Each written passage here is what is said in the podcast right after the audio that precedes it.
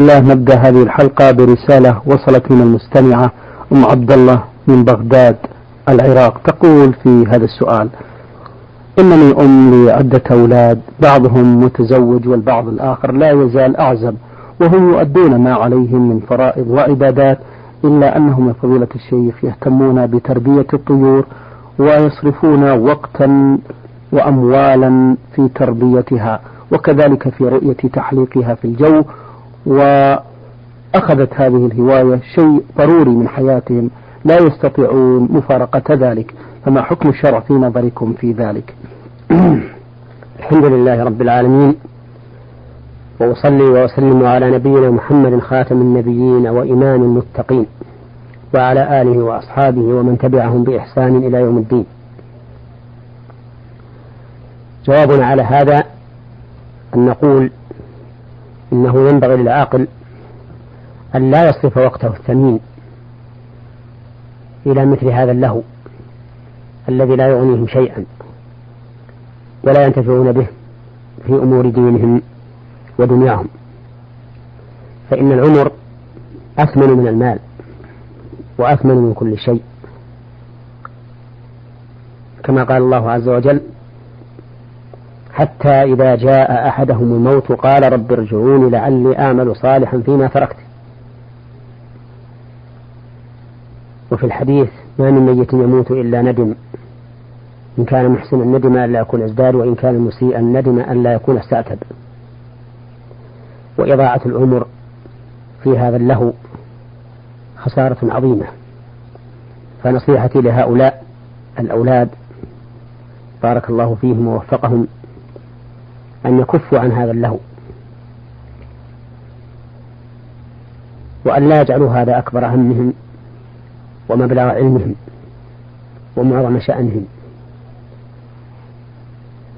ولا حرج عليهم أن يقتنوا مثل هذه الطيور من أجل الاتجار بها والبيع والشراء لأن البيع والشراء فيما أحل الله من الأمور التي أباحها الله سبحانه وتعالى كما قال وأحل الله البيع وحرم الربا. أما أن يقتنوها ليضيعوا أوقاتهم بمشاهدة تحليقها ورجوعها فإنني أنصحهم وأحذرهم من إضاعة أوقاتهم في مثل هذا. وأما الجزم بالتحريم فلا أجزم به لكنني أراه مضيعة للوقت وخسارة للحياة. بارك الله فيكم. هذا المستمع عين عين مين يماني يقول بأنه متزوج وطلق زوجته ثلاث طلقات وهي حامل في الشهر السادس. يقول علما بأن لي منها أربعة أولاد من قبل وأريد أن أرجعها. ودوافع الطلاق يا فضيلة الشيخ بأنها أخذت ملابسي وأغلقت عليها الباب. قبل ذهابي إلى العمل ولم تعطيني إياها مما أغضبني وجعلني أفقد صوابي وأقدم على الطلاق دون صواب. أرجو إفادتي والسلام عليكم. الواقع أن هذا السؤال تضمن شيئين. أحدهما أن الرجل طلق في حال غضب شديد فقد به صوابه. والثاني أنه طلق ثلاثا.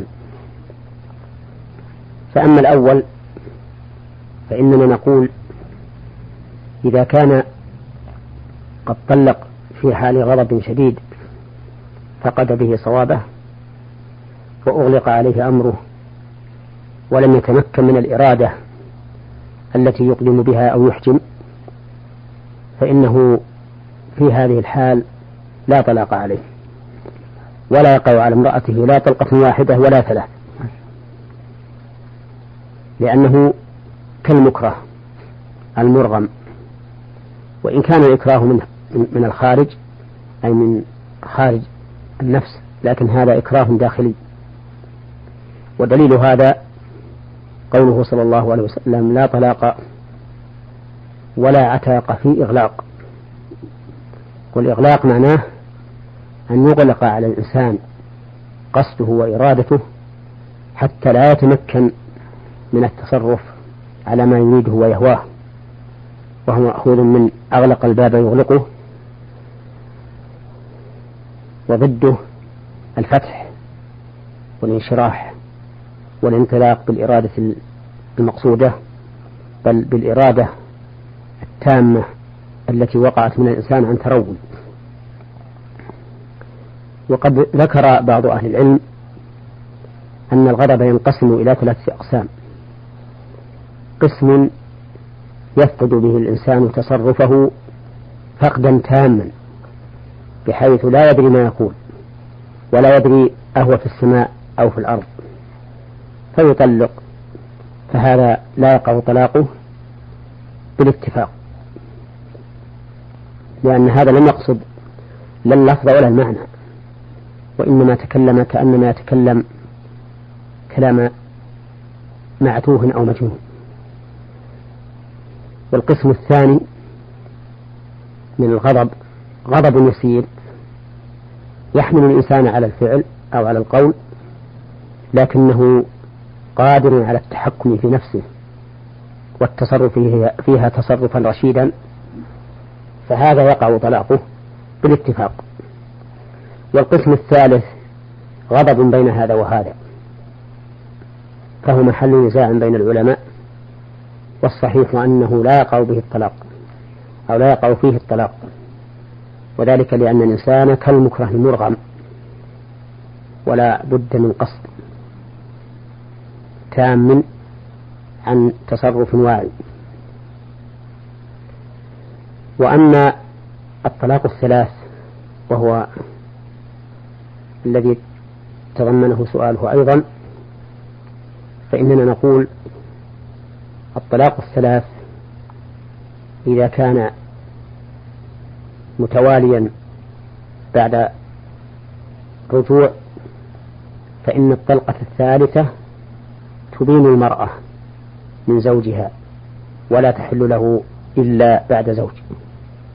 مثاله أن يطلق ثم يراجع ثم يطلق ثم يراجع. ثم يطلق الطلقة الثالثة ثم يطلق الطلقة الثالثة ففي هذه الطلقة لا يحل له الرجوع إلى زوجته لا بعقد ولا بغير عقد إلا بعد أن تنكح زوجا غيره نكاحا صحيحا مقصودا غير تحليل للزوج الأول.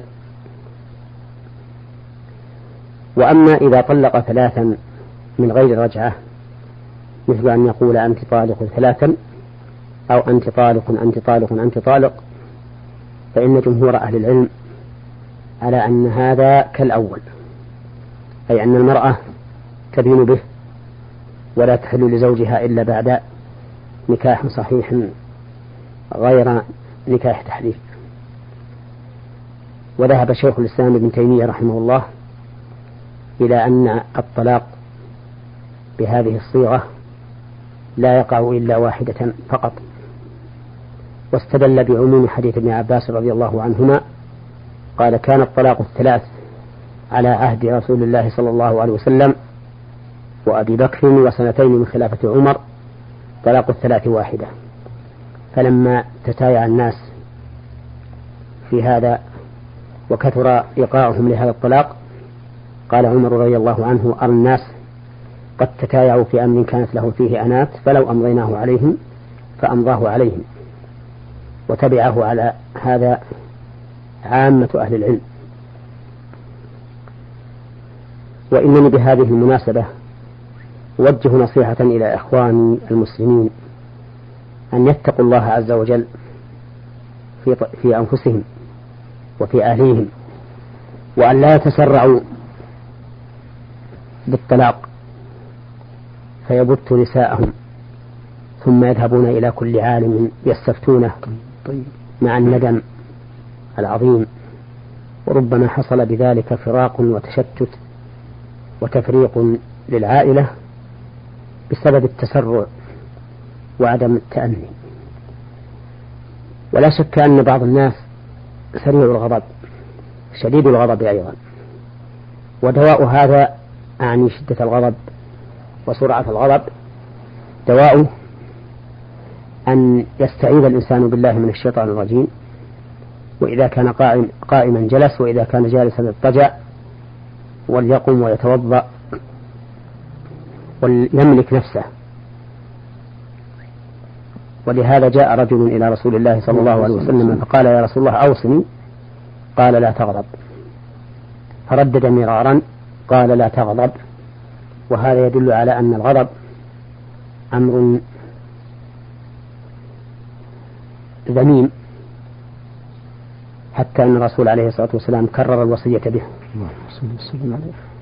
كما أني أنصح إخوان المسلمين أيضا إلى أمر بدأ بدأ يكثر فيهم وهو الحلف بالطلاق. يقول الإنسان مثلا علي الطلاق ألا أفعل كذا. أو يقول إن فعلت كذا فامرأتي طالق. أو يقول لزوجتي إن فعلت كذا فأنت طالق.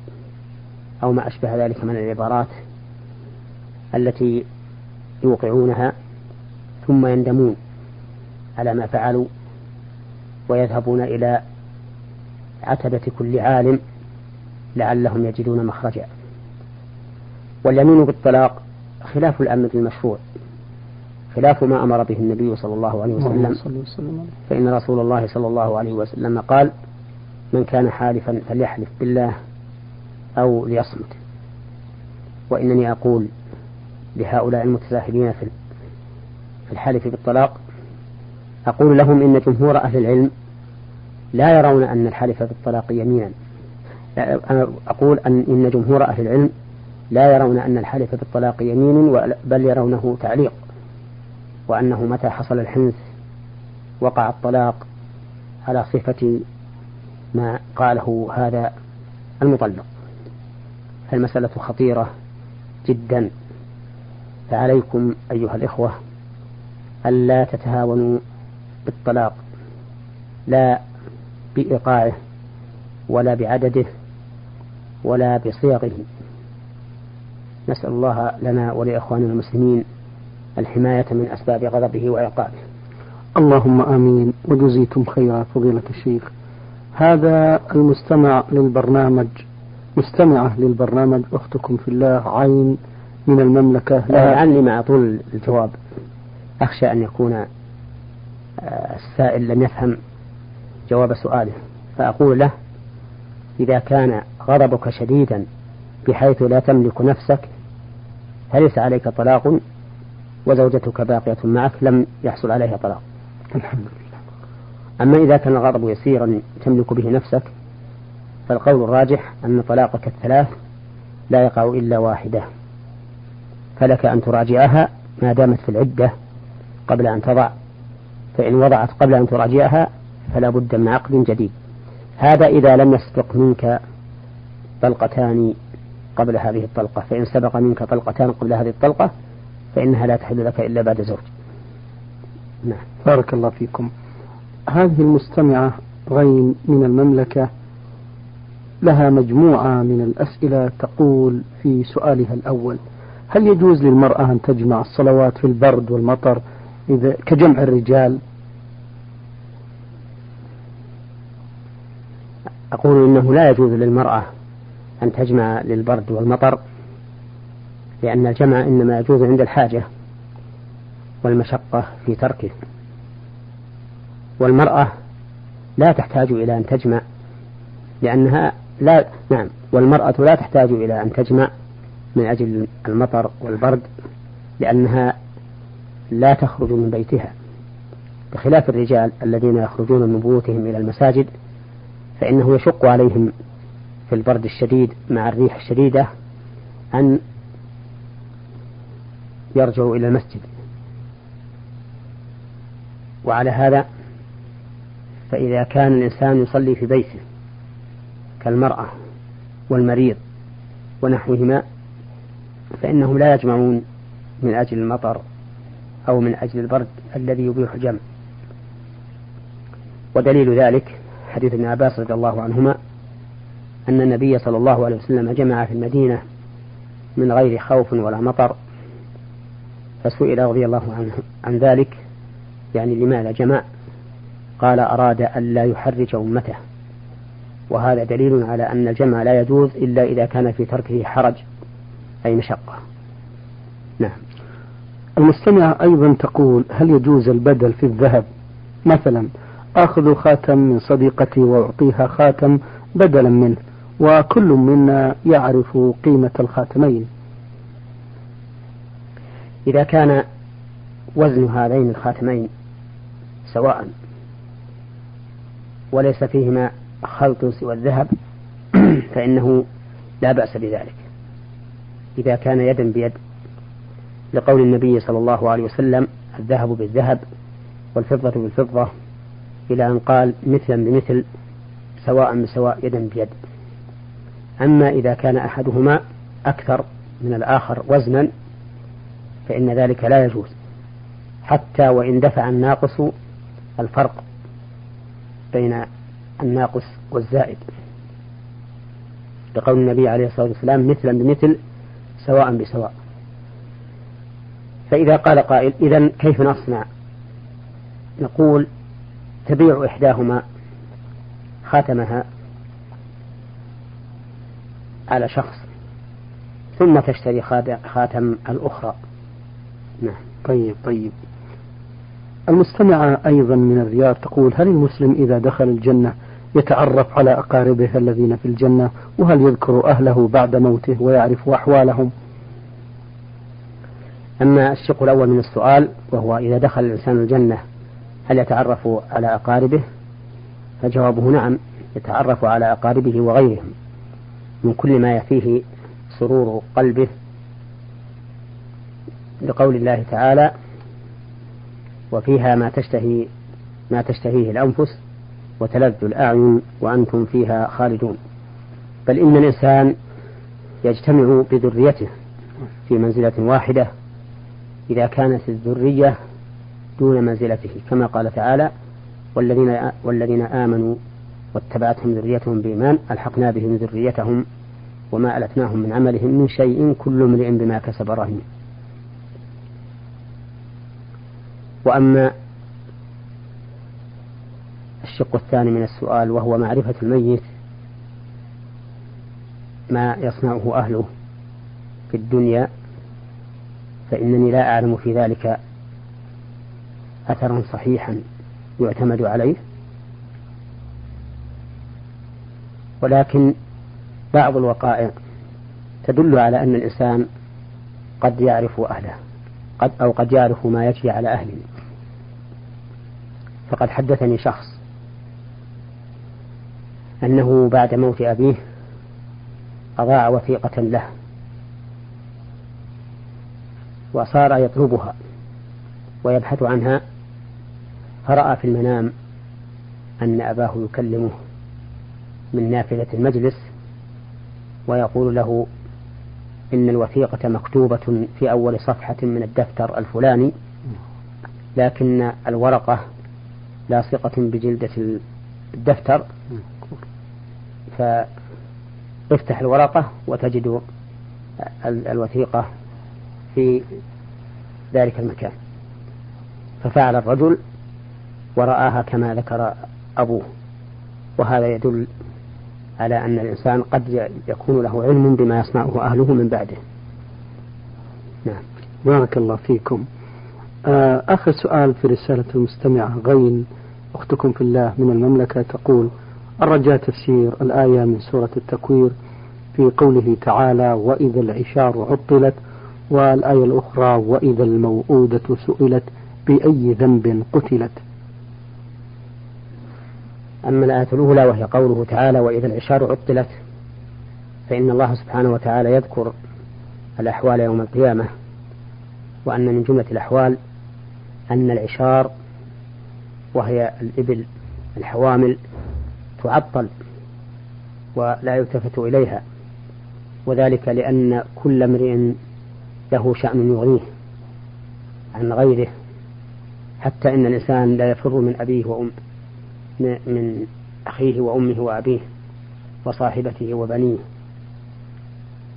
فلا يهتم بأنفس الأموال عند العرب وهي العشار.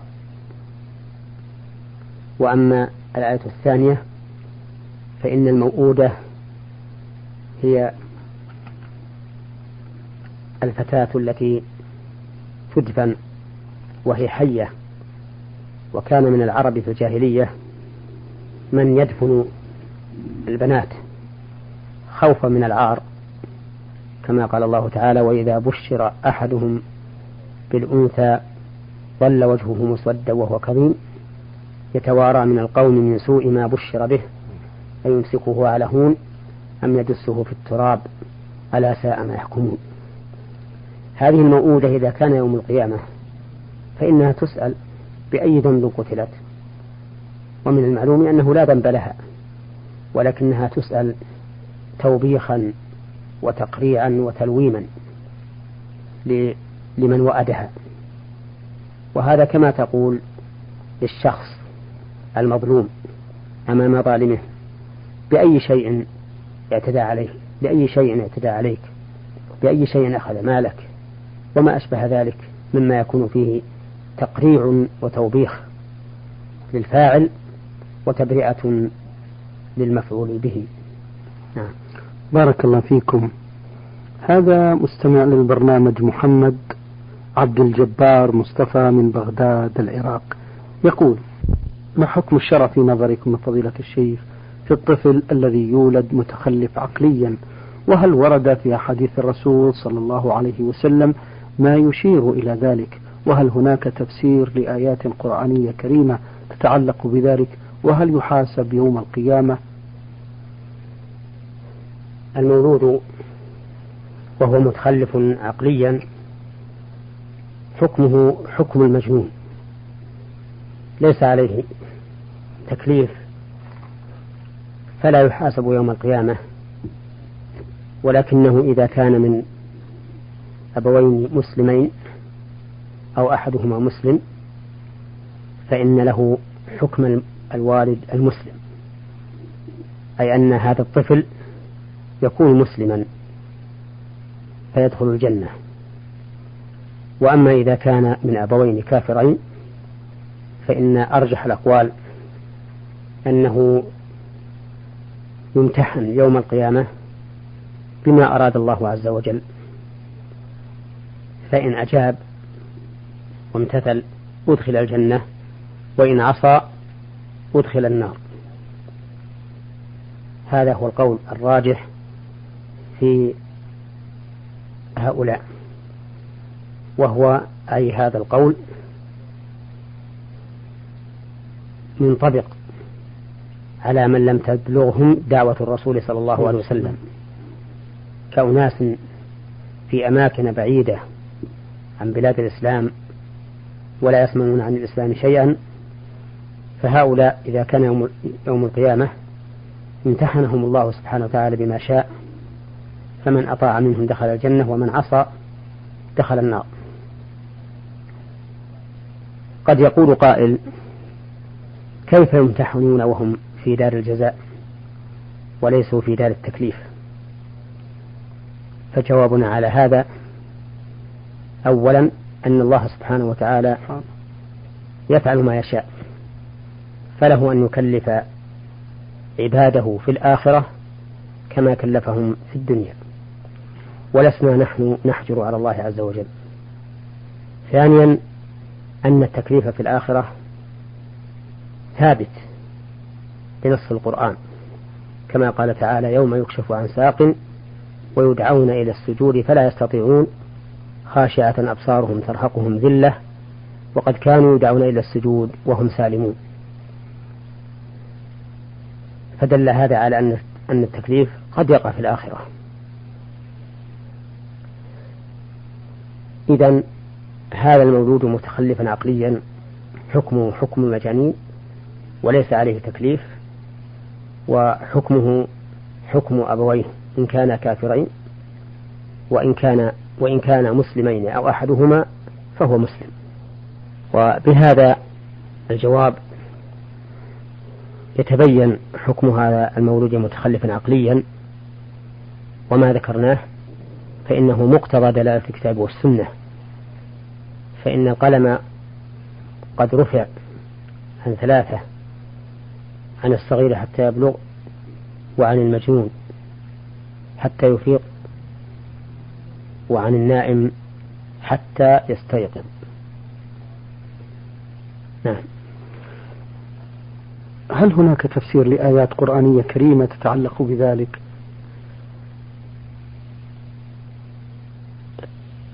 القرآن كما قلت في قبل قليل والسنة كل منها يدل على أن المجنون ومن في حكمه ليس عليه تكليف طيب طيب نعم. آه في فقرة الله يقول فضيلة الشيخ وهل وجود طفل متخلف في العائلة هو عقوبة للوالدين قد آه المصائب التي تصيب الإنسان. تارة تكون عقوبة وتارة تكون امتحانا. تارة تكون عقوبة إذا فعل الإنسان محرما أو ترك واجبا فقد يؤجل الله له العقوبة في الدنيا ويصيبه بما شاء من مصيبة. وقد يصاب الإنسان بالمصيبة لا عقوبة على ترك واجب أو فعل محرم. ولكن من باب الامتحان. طيب طيب. يمتحن الله بها الإنسان ليعلم عز وجل أيصبر أم لا يصبر. فإذا صبر كانت هذه العقوبة كانت هذه المصيبة منحة لا محنة. يرتقي بها هذا الإنسان إلى المراتب العالية وهي مرتبة الصابرين لأن الصبر لا لا يحصل إلا بشيء يصبر عليه ولهذا كان رسول الله صلى الله عليه وسلم يوعك يعني يمرض كما يوعك الرجلان منا أي يشدد عليه في, الوعك لأجل أن ينال بذلك درجة أو أعلى درجات الصابرين عليه الصلاة والسلام. جزيتم خيرا لفضيلة الشيخ وبارك الله فيكم على ما بينتم لنا وللإخوة المستمعين الكرام. أخوتنا الأكارم انتهت حلقتها.